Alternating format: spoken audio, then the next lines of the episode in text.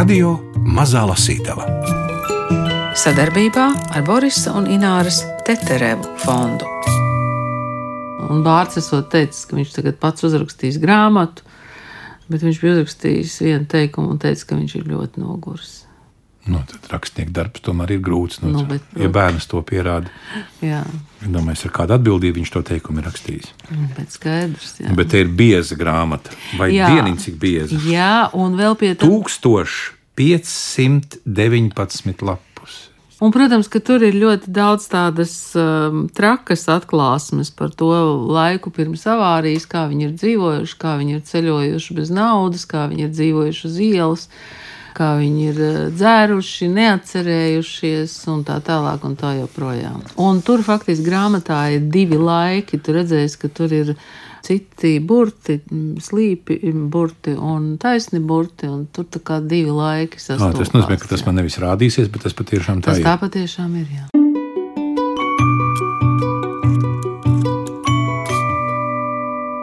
Ilonas balodas dzīve krasi dalās divās daļās - pirms un pēc viņas vīra Rolanda Udra avārijas. Tā dalās arī teksts biezajā Ilonas balodas grāmatā Ielu muzikanta piezīmes. Ja ir tāda vēlme un interese, var paskatīties arī Pētera Krilova filmu Hekābas jautājums, bet, ja ļoti kaitina Ilonas balodas atklātība grāmatā, Var to arī nelasīt, tā saka pati autore, esot taču ļoti daudz citu grāmatu. Nu, ar to grāmatas rakstīšanu, to es rakstīju septiņus gadus, un es ķēru katru momentu, kad es varu uzrakstīt.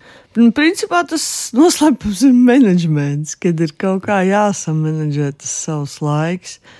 Ja es pirmo grāmatu varēju rakstīt pilnīgi brīvi, nu, pa naktīm sēdēt, un viss, kad man nebija ne ģimenes, ne, ne situācija ģimenes kā tā kā tagad, nu, tad otro grāmatu rakstot bija tā, ka es ķēru katru mirkli. Tā kā es rakstīju septiņus gadus, tie mirkļi bija ļoti dažādi. Bija uh, ceļojums, kad mēs ar Udru vēl dzīvojām Kanārijas salās uz ielas, kas arī aprakstīts ir grāmatā. Tad man bija bērniņa gaidīšana, tad bija kāzas, tad bija bērns, bērnu piedzimšana, tad uh, notikās avārija ar manu mīļoto vīrieti, ar ūdeni. Nu, tad es kaut kādu gadu vispār nespēju rakstīt. Tas bija. Uh, Jā, 16 gadus vispār nespēju parakstīt, nevarēju ne par ko radošu padomāt. Nu, un tad pēc tam pārslēdzās tā jaunā dzīve, kad ūdeni bija notikusi avārija, bērns bija mazs. Nu, un tad es tā riktīgi mēģināju par stundām, piemēram, aizvedu ūdeni uz fizioterapiju. Tajā laikā man vēl nebija asistenta palīgā. Tad man stunda laiks, es ar datoru sēžu stundas, zinu, varu parakstīt. Tad kā, nu, vēlāk kaut citas lietas. Nu, nu, tā es ķēru katru brīdi, principā, kad es varēju rakstīt, kamēr es uzrakstīju. Tolaik vēl zāle bija zaļāka, kredītkarte pilnāka un rajonēra lēca. Tolaik dižķibēle nebija mūsu skārusi un likās, ka viss vēl būs labi. Vai varbūt tomēr jau bija, tikai mēs to vēl nesapratām? Ak, zelta laiki! Kad varējām par niekas 150 latiem nopirkt biļetes divām personām, astoņiem pārlidojumiem krustu šķērsu pa bagāto rietumu Eiropu. Tajā laikā jūra bija līdz ceļiem, un mūsu drosme līdzinājās pārgalvībai, tomēr ar mums nekas slikts neatgadījās. Mēs bijām jauni, traki, mīlestības, alkohola un cerību pilni. Vienā vārdā sakot, psihi. Biļetes nopirkām internetā, kaut kad ap to laiku, kad jau bijām sākuši dzīvot kopā. Precīzāk sakot, pēc mūsu otrā mēģinājuma sākt dzīvot kopā, pirmā reize cieta totāli fiasko. Daudz netrūk, lai mēs šī neapdomīgā soļa salauzti būtu aizgājuši katrs uz savu pusi uz visiem laikiem. Notika tomēr citādi. Dzīvē notika pavisam citādi. Ilona Baloda stāsta, kas viņas dzīvē ir mainījies, kas mainījies kopš 2009. gada, kas mainījies kopš avārijas, kā izaudzis bārds. Fragmentus no Ilonas Balodas grāmatas īlu muzikantu piezīmes lasa Gundars Āboliņš. Starp citu, Ilonas aprakstītie personāži ir tik spilgti, it kā tepat nāktu pretī pa ielu. Un, un tad tagad ir bērns, jau ir paudzies, ūdrim ir arī asistents palīgā, bet, nu, tik un tā man ir tad jāatrod cits tas laika menedžments. No rīta jāpaspēj pamosties pirms savest ūdeni kārtībā, jo vēlāk pa dienu man nebūs laika, uztaisīt ēst, tad man jāpaspēj aizvest bārts uz bērndārs, pašai sataisīties. Nu, un tad es tiku pie jums. Bet eh, kā tās piezīmes ir tapušas, eh, nu, ņemot vērā to skaudro sākumu, mm, kā tu apraksti gan kāda tu esi tajā 2009. gadā, gan, gan kāds ir ūdris, es nedomāju, ka tev tur bija blociņš, kur tu pierakstīji kaut kādas mm -mm. pārdomas, vai ne? Mm -mm. Es kaut kā esmu jau iemācījies uztrenēt savu atmiņu uz, uz tādu, tādu notikumu atcerēšanos. Bet nu, ļoti daudz kas palīdz. Mēs dzīvojam internetu laikmetā. Un, lai kā arī nebūtu, nu, tomēr mēs esam visi vairāk vai mazāk, lai cik nu kurš būtu atkarīgs vai neatkarīgs no interneta, mēs esam paraduši dokumentēt tās lietas, ko mēs darām neapzināti. Ir ēpasts, kurā var akņāties, ir tur eh, Facebookā vēstules, bildes, materiāli, kurus pārķidājot, var to atmiņas procesu ieslēgt kaut kā atpakaļ. Tad ir vienkāršāk. Es Un, pieņemu, un tu to izmantoji, ja? Es izmantoju, jā, es to arī Rīgā Pekinu rakstot, rakstot izmantoju. Ka, jo ir, nu, man jau arī uztrenēts tas atmiņas mehānisms, ka es zinu, ka pēc kaut kāda maziņa pavadiena jau man uzreiz attinās atpakaļ. Es kā pārslēdzos uz to laiku, arī rakstot, jo es vairāk kurbinos pa vienu kaut kādu gadu, jo vairāk man nāk papildus atmiņas atpakaļ no tā gada. Nu, tas jau jebkuram tā ir. Kaut kas mūsu mazajās egoistiskajās patībās, tajā jocīgajā mirklī, kad viss tūlīt jau būtu pazaudēts, lika izlīst ārpusē kam citam, kaut kam mazam, neaizsargātam un nobaidītam. Kaut kam, kas bija gatavs sākt sarunāties, mazs, trausls gabaliņš no manis un mazs, izbrīnījies no viņa. Mēs tad bijām pazīstami veselas trīs slimas nedēļas, bet varbūt divas vai trīs ar pusi. Kas gan vairs var precīzi tos senos tumšos laikus atcerēties. Nākamajā rītā kopīgi nonācām pie publiski paužamā lozunga: Mums brīvība ir svarīgāka par naudu, tāpēc mēs kopā nedzīvosim un punkts. Tas bija vienkāršāk nekā rakņāties šaubās. Turpmāko mēnesi diezgan veiksmīgi šo nelaimīgo pārvākšanās jautājumu mēģinājām necilāt. Novēlām visu uz savu pārvākšanās drudzi, kas, protams, pirms tam tika rūpīgi izbazunāts katrai ausī, kura tuva vai netik tuva bija gatava tajā brīdī uzklausīt, uz nepārdomātiem spriedumiem alkohola lietošanas rezultātā un infantīlismu. Kaut kādā ziņā jau tas tā arī bija. Šajā laikā mūsu dzīvē vēl figurēja kāda smaga, bet ļoti kolorīta persona - Pādre. Viņš nes kāpēc bija pamanījies iesprāgties Rolanda dzīvē, un līdz ar to arī manā. Pādre bija neciešams tips, vilks jēra ādā, dūja ar žņaudzēju čūsku tvērienu, šakālis paradīzē, nelabais svētās Romas katoļu baznīcas priestera talārā. Vismaz tādu iespaidu viņš par sevi tolaik centās atstāt. Nepaspēja būt kādā viņa vadītā dievkalpojumā, bet dzirdēju, ka dievbijīgās tantes klausījušās pavērtām mutēm, un tur odis pēc sēra. Un dažreiz ap baznīcu ložņājuši visādi mūģi. Pādrēm vispār nopakaļus parasti vilkās tāda nelāga sajūtu buķete, ļoti lipīga, un tādus tipus kā ūdris un es vienmēr vilinājušas asas izjūtas, bet tādus kā padre, tādi kā mēs. Jāsaka gan, ka pie skaidrā saprāta esot padres satikšana nekad nešķita īpaši vilinoša. Padrem tika zvanīts situācijās, kad realitāte jau bija sajukusi. Viņš kļuva arī par mūsu pirmās nelaimīgās pārvākšanās un izvākšanās dalībnieku. Padrem bija mašīna, un padre kā gadījās, kā ne, tieši tajā vakarā, kad mēs ar ūdri eiforijā slīgdami nonācām pie ģeniālā lēmuma, ka vajag sākt dzīvot kopā, un man jāievācas ūdra pārdaugavas dzīvoklī, tagad un tūlīt uz līdzenas vietas nedienu vairs negaidot, bija nikni gatavs mūs ar visām mantām un, protams, ar kaķeni zāru uz turieni aiztransportēt. Pēc divām dienām, kad žēla lūdzām viņu aizvest mani ar visām peklēm atpakaļ, gan dabūjām par galvu kārtīgus bļāvienus. Ūdris mēģināja apelēt pie tā, ka padre savā ziņā ir vainīgs pie mūsu neapdomīgā pārvākšanās soļa, jo nebija mēģinājis mūs no pārsteidzīgā gājiena atturēt. Par to nu dabūjām vēl smagāk, jo padara ne par ko neļāvās uzkraut sev kādu daļu mūsu bezatbildības nastas un sāka kliegt, ka mēs esam idioti, un viņš vedīs mani atpakaļ tikai tad, ja iepazīstināšu viņu ar kādu dailes teātra aktrisi. Brīdi padomājis, Nikni teica, ar to rīziju, nu, kā viņu tur sauc, kalniņu. Mēģināju žēli iepīkstēties, ka varbūt derēs arī kāda cita, uz ko saņēmu vētras kaucienam līdzīgu, es teicu, rēziju, kalniņu.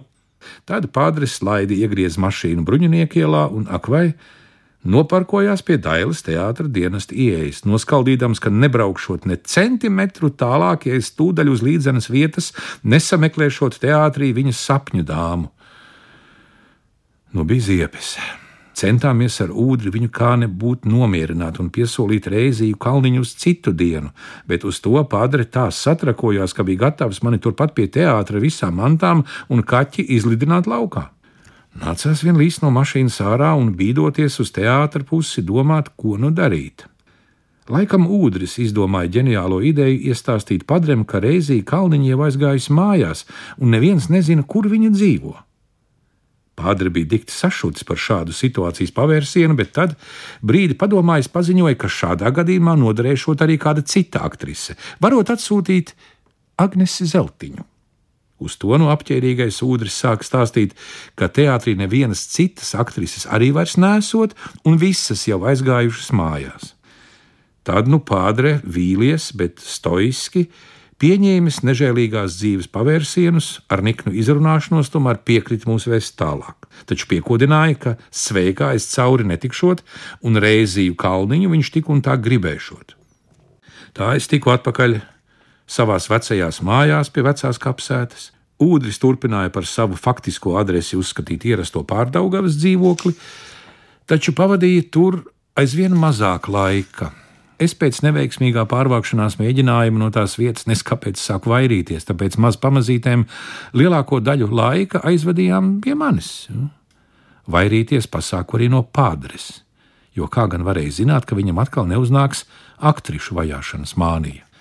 Jā, tādi nu mēs visi tur bijām tolaik. Mākslinieki deģenerāti un nojūdzies katoļu priesteris. Ar priesteri pādri vispār vajadzētu biedēt nepaklausīgus bērnus pirms aizmigšanas. Klausies, mazais, ja tu tagad neaizmigsi, atnāks pādre. Nolikt pie mazajām siltajām nerāķņu gultiņām lielu pādres fotografiju ar salti nosodošu, nedaudz aizkaitinātu fizionomiju. Esi nu laba meitene, apēd biesputru, citādi pādre sapņos nāks ciemos. Vai arī Māri, apēd piena zupas plēvīti, citādi atnāks pādre un sāks rāties. Lai nu ko, bet rāties pādre prāta tā kā neprot neviens. Viņam piemīta nepārspējams talants likt lietā nevis cilvēcisku saskarsmi, bet tik daudz dažādu dīvainu vārdu savirknējumu, ka ausis vīta, tos pat vēl nedzirdot. Pietika jau ar to, ka padre grasījās sākt runāt, un pats interesantākais ir tas, ka viņš nekad nelietoja rupjus vārdus. Spēks nebija visvārdu stiprumā, bet gan to kombinācijās.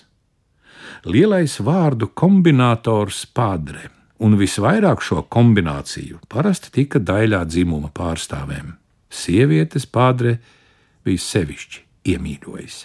Nezinu, varbūt kaut kur dziļi iekšā padrē slēpās kaut kas cits, kaut kas pagalām salauzts un nožorkāts, nedabisks un tumsā turēts, nezinu. Droši vien Gan jau neviens tāpat par padri neizauga. Varbūt šajā pasaulē kaut kur ir kāds, kas spēj ar padri sarunāties, bet es par tādu cilvēku neesmu dzirdējusi. Un es nesaprotu, ko padre darīja katoļu baznīcā, kā viņš vispār tur nokļuva, kādu dēmonu plosīts.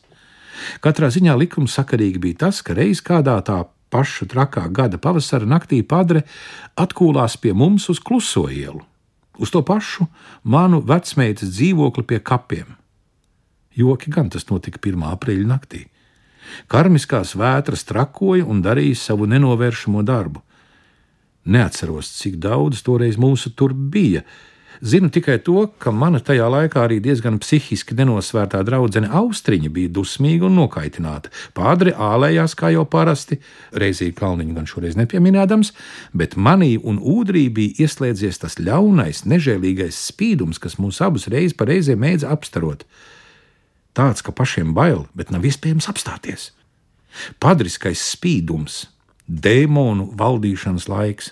Nākamajā rītā ap desmitiem priecīgi pavadījām padri uz viņa automobīli, kas bija noparkots pie kapsētas, un kopīgi iztukšojām pēdējo viskiju pudeli. Tajā pavasarī dievbijīgus un netik dievbijīgus cilvēkus satrauca interesants atgadījums. Pamatīgā alkohola reibumā pie stūres tika pieķerts Romas katoļu baznīcas priesteris. Mēdīja vēstīja, ka no vadītāja puses lijusi spēcīgu vārdu straume. Ar to arī padres garīdznieka karjera beidzās. Kopš tā brīža viņš no mūsu dzīves pagaisa. Īsti nezinu, kur ceļi viņu tagad aizveduši, bet lai nu mums visiem vienreiz tiek miers, arī padrem.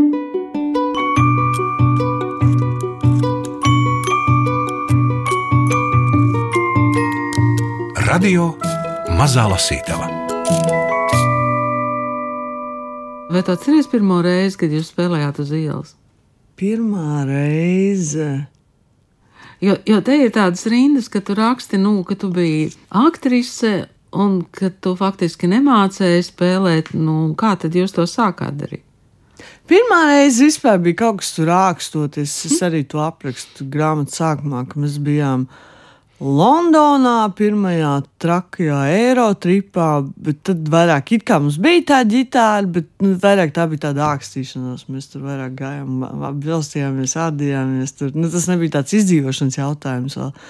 Bet tā īsti mēs sākām ar ūdeni spēlēt uz ielas tieši ceļā uz Pekinu. Kad mēs braucām no Rīgas uz Pekinu, kas ir pirmajā grāmatā aprakstīts notikums.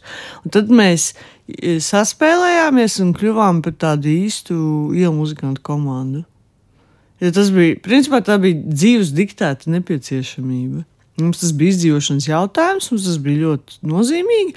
Un tad tajā ceļā kaut kā arī tas viss saslēdzās. Kad tu esi uz tās ielas, Un tev nav variantu. Tev vienkārši ir jāņem harmonikas, kurš tu esi nopircis, tev jāņem šeikers un jādara tas, ko tu vari izdarīt. Nu, un tad pamazām, pamazām, katru dienu to dari.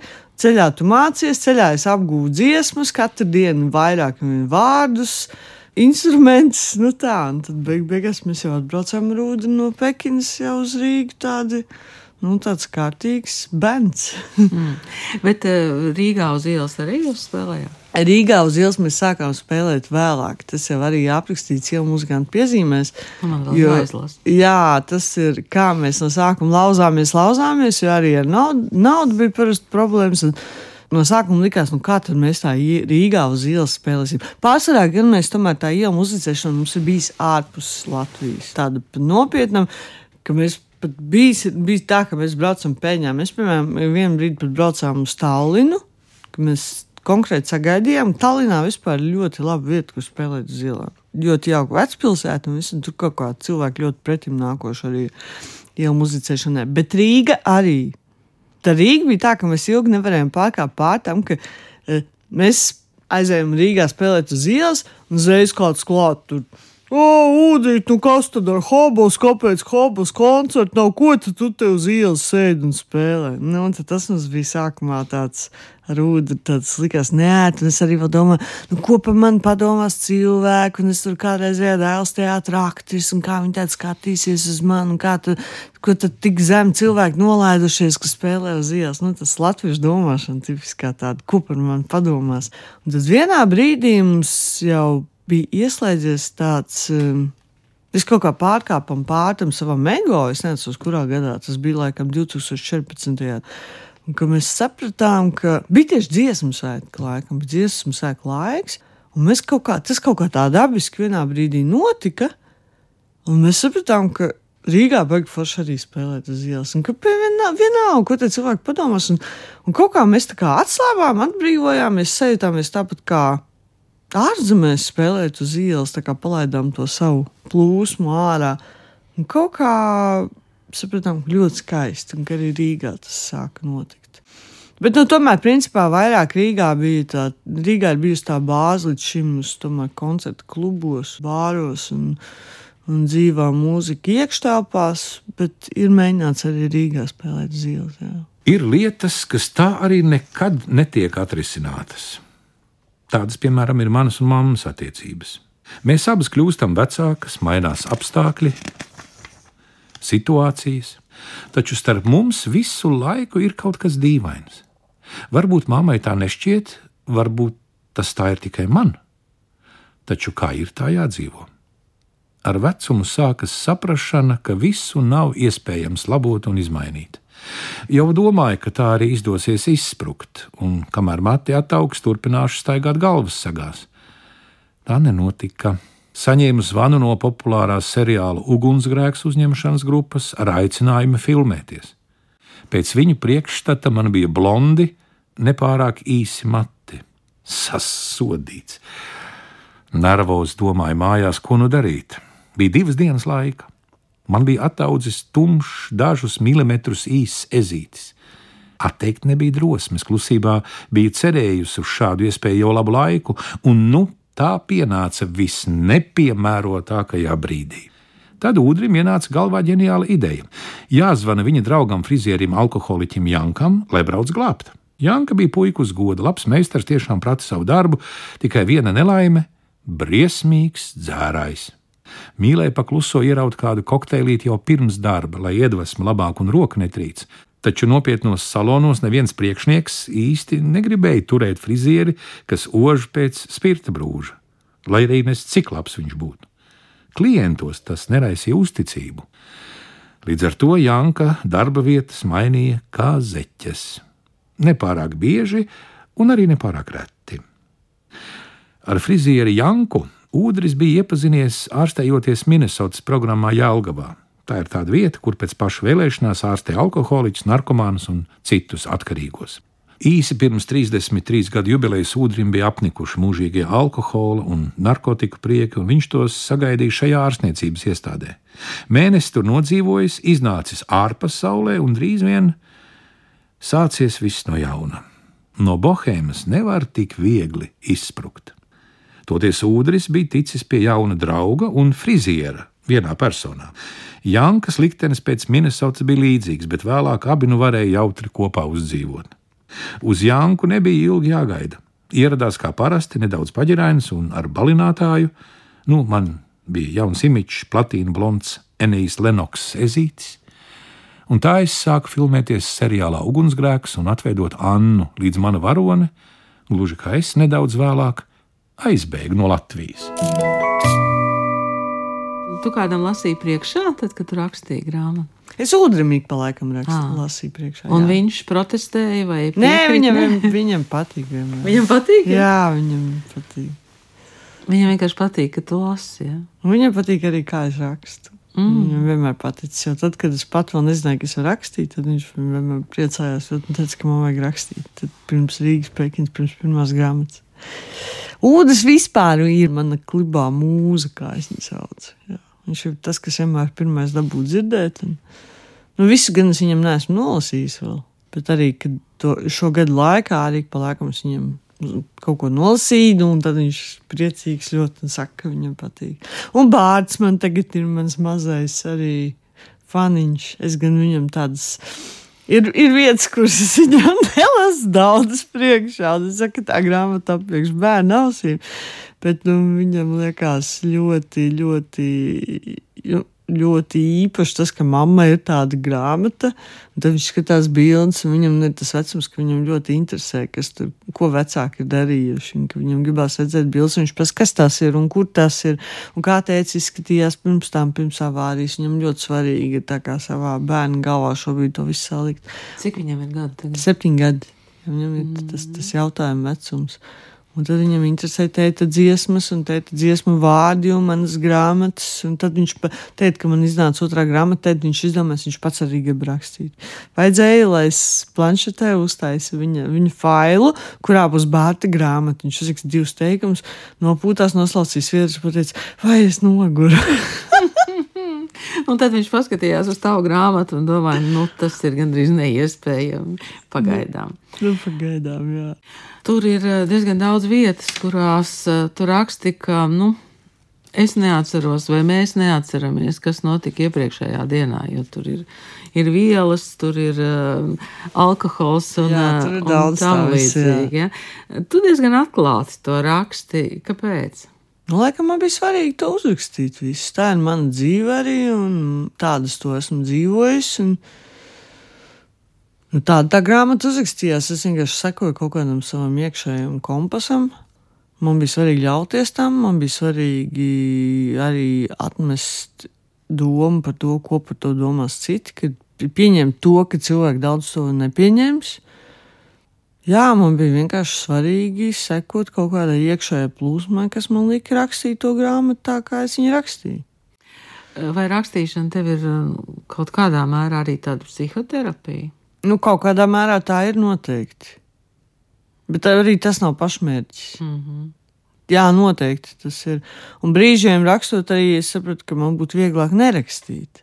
Jo nu, sanāca rakstīties diezgan par tādiem veciem, aizmirstiem jau kaktiem, ko es ar, ne ar pārāk lielu prieku cilāju pat priekš sevis.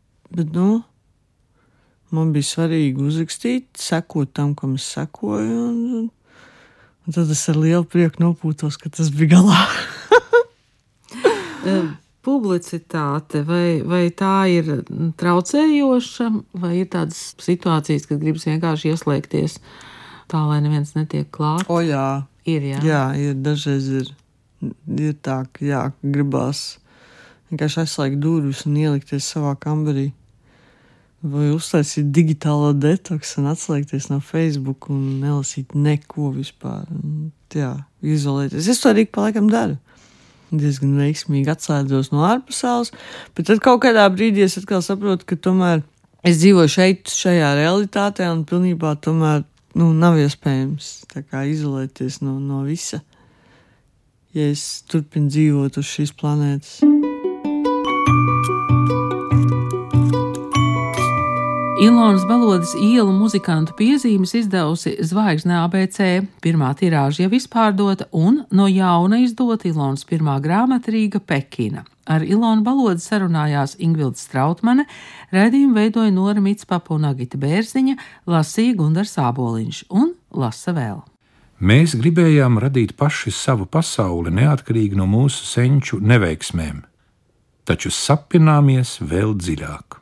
Es domāju un sapņoju, ka reiz pienāks laiks, kad būšu spējīga parūpēties par ūdeni un bārtu bez citu cilvēku līdzdalības, kad mēs būsim pašpietiekami un spēcīgi.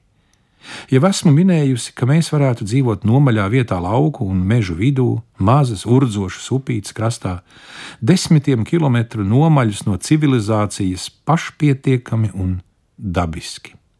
Es varētu lasīt zāļu tējas, ogas un sēnes, gatavot ārstnieciskus novārījumus un veselīgu pašaudzētu ēdienu. Mums būtu savs sakņu dārzs, sava siltumnīca un sava sapņu mājiņa, kurā nebūtu neviena tumša bēniņu kakta un neiepazīta pagraba stūra. Tajā valdītu gaisma, tīrība un kārtība. Mums būtu divi labi audzināti suņi, kas satiktu ar kaķiem, bērniem un visiem pārējiem, aitiņu, ko udrim kasīt, un govs, kas dotu pienu, bet mēs nenogalinātu viņas teliņu. Un vistiņas, kurām tāpat kā manā bērnībā visām būtu vārdi, un neviens tās nekautu, bet turētu dēļ olām, zāra pleķis, un trīs kājas brīvi staigātu iekšā un ārā, kad pašiem to sagribētos. Mūsu mājiņa būtu kā pasaku namiņš, plaša, gaiša un skaista, tā lai visiem ir vieta, kur apgriezties, un vēl ciemiņu pilna mājas svētkos vai vasarās, vai kad nu tur. Īsts darelu ģimenes miteklis, mana ģimene un citi zvēri. Ūdens būtu atlabis tik tālu, ka jau spētu ar spieķīti pārvietoties pa apkārtni, es un vārds Viņam speciāli būtu sataisījuši glūdas grāmatas celiņus, lai kājas neķers. Pie mums tur lidinātos putni un rudeņos dažkārt pie mājas mežmalā nolaistos dzērvju pāris, bet sarmainos ziemas rītos barību nāktu meklēt stirnu ar mazuļiem, jenoti un lapsas, no kurām vistas sargātu mūsu uzticamies suņi. Tā būtu ārkārtīgi laba vieta, kas ļoti patiktu arī Bārtam, un es viņu ik rītu vestu ar savu labi aprīkoto apvidus auto uz desmit km attālo lauku, skoliņu, mācīties dzīves gudrības, un bārts tur justos labi. Brīvdienās mēs dažkārt aizbrauktu uz Rīgu vai Liepāju, vai retums arī uz Ventspili pie manas mammas, bet viņi pie mums gan nebrauktu, jo baidītos no ērcēm un čūskām, un dažreiz mēs visi trīs dotos kādā ceļojumā. Māju es būtu nopirkusi pati par savu naudu. Es vēl nezinu, kā. Man pēkšņi dzīvē būtu uzsmaidījusi lielā loze, un es būtu dabūjusi naudu. Varbūt piepieši būtu pārtulkota un popularitāti pasaulē guvusi kāda mana grāmata, un es par to būtu saņēmusi atbilstošu honorāru. Lai bez rūpēm dzīvotu atlikušo mūžu daļu lauku klusumā, pašradītā vietā ar cilvēkiem un zvēriem, kurus mīlu, starp augiem un dabu, ar vienu kāju nebūtībā, kā šķiet esmu aizvadījusi visu savu līdzšinējo dzīvi. Tikai es līdz šim to neapzinājos. Visu laiku es kaut ko meklēju, meklēju, nu laikam esmu to atradusi.